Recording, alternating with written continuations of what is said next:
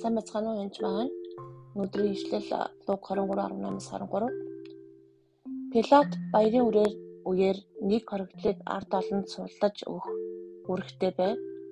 Гэтэл цугласан олон бүгдээрээ наад хүний ав харин бидэнд Барабыг суллаж өг гэж хашгиралдав. Бараб нь хотод бослог гаргасан хүн алсан хэрэгээр шорон дөрөвдөжээ. Пилат Есүсийг суллахыг хүсэж тэдэнд дахин үгээ хэлв. Гэвч тэд түүнийг цовдол цовд хэмээн гашгасаар байлаа. Пилат гурд худаага тэдэнд яагаад энэ хүн ямар бузар мөг үлдсэн юм бэ? Үхлийн шалтгаан болох ямар ч гэм бурууг би түүнээс олсонгүй. Тэм учраас түүнийг би цээрлүүлээд суллыг гэхэд харамж тэд чангаж чанга гашгаран түүнийг цовдлохыг шаардсан тэдний дуу хоолой дэглэв. Үнэхээр түнд хурганд ямар ч гэм нүгэл байхгүй лээ. Тэгээд яагаад Иесусыг цовдлох болов? Бид авралын тухай ойлголтыг сайн мэддэг л дээ. Иесус Христэд итгэх үед бид үнэхээр мөхөхгүй мөнгө автай болно. Эзэнтэй илрүүлэгдэнэ гэд бид заавал яагаад хургамаа цовдлогдох ёстой гэж яагаад Иесус Христ цовдлогдох ёстой гэж энэ цовдлолтоор болж яагаад юу болдг юм бэ? Тэг гин нүглийг угаад цэвэрлдэг юм ганцхан цус байдаг. Тэгвэл хураг тавьдаг байсан. Гин нүглийг угаах гэж харин төгс ямар ч гин нүгэлгүй хураг бол бүх гин хүн төрлөختний бүх гин нүглийг үүрэх чадaltaй, цэвэрлэх чадaltaй. Тэгэхээр нэгдүгээрт нь хураг заавал нийтлэх хэрэгтэй болох нь Илчил 5-6 уншиж өгье. Яахан энд үзэгдлүүдээр дээр байж байгаа. Тэгээд би синти болон дөрвөн амьтны хооронд ахлагчийн дунд зогсож буй нийтлүүлсэн мэд хургийг харав. Тэр энд нийтлүүлсэн мэд хургийг дээр харж байгаа нөлөөсөн хур маань дахин амилсан дээр байж байгаа гэсэн үг. Нийтлүүлсэн хург шүү. Цааш нуучих юм бол ихчлэл 7-гийн 13-7 уншия.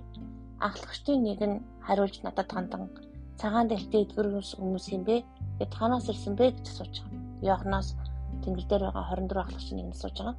Би түнд эзэн минь та мэднэ гэхэд тэр надад эдгээр нь үлэмж их зовлонгоос гарч ирсэд бөгөөд би турганы цусаар дээлээ угааж цагаан болгожээ. Тэгэхээр хурганы цусаар дээлээ угаадаг байх нь ер нь гим нүглийг угаадаг гэсэн. Тэгээд бид цагаан болдог байгаа. Цагаан болох үед эзний өмнө очдог болох нэ.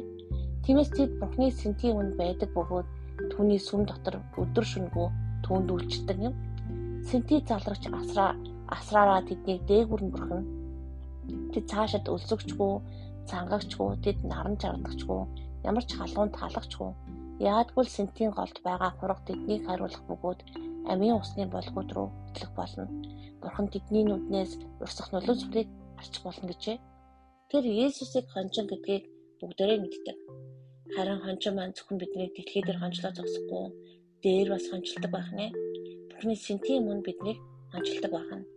Тэгэхээр энэ хураг маань хончин маань биднийг зөвхөн гин нүглээс угаагаад зогсохгүй дээр онцлогддог байх нь. Тэгээ бидний дээлийг хугнасаар цагаан болгодог байх нь. Дараа нь ичээл 12-ын 10-аас 11 уншия. Би тэнгэр чанга дугаар ингэж хэлхийг сонсов. Бурхны өмнө ах дүүсийн маань өдөр шөнөгүй бурддаг. Тэднийг бурдгаш доош хаягдсан учраас итвгээ бидний Бурхны аврал, хүч, хаанчлал ба түүний Христ ирэх мэдл хурч ирлээ. Тэд түүнийг хуганы цус өөрсдийн гэрчлэлээр үгээр ялжээ тэд өвхөн хөхтлээ амиа хайрлаагүй маа гэж.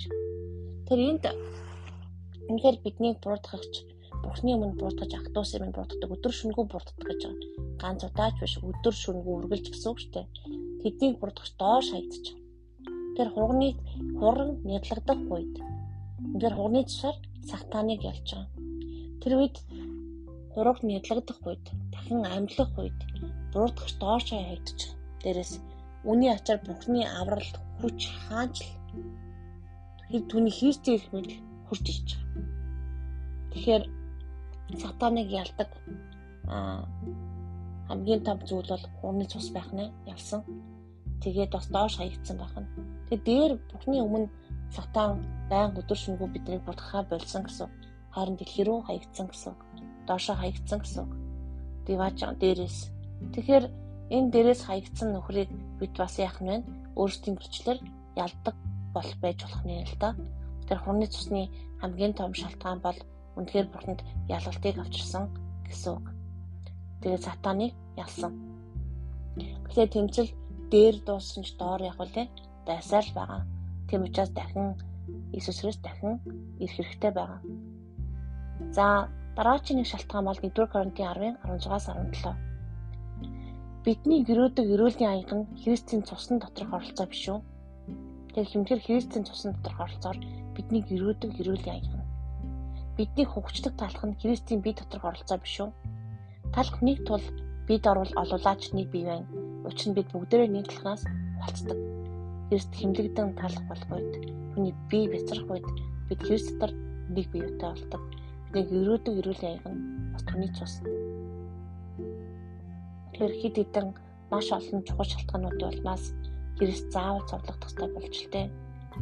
Тэгээд амиа хайрлахгүй өөрийн цорын ганц хүүгээ бидний төлөө зориулсан бурхан талархаараа тэгээд эзэн зовгийг барах үедээ энэ бүхнийг санал дурсараа танд баярлалаа.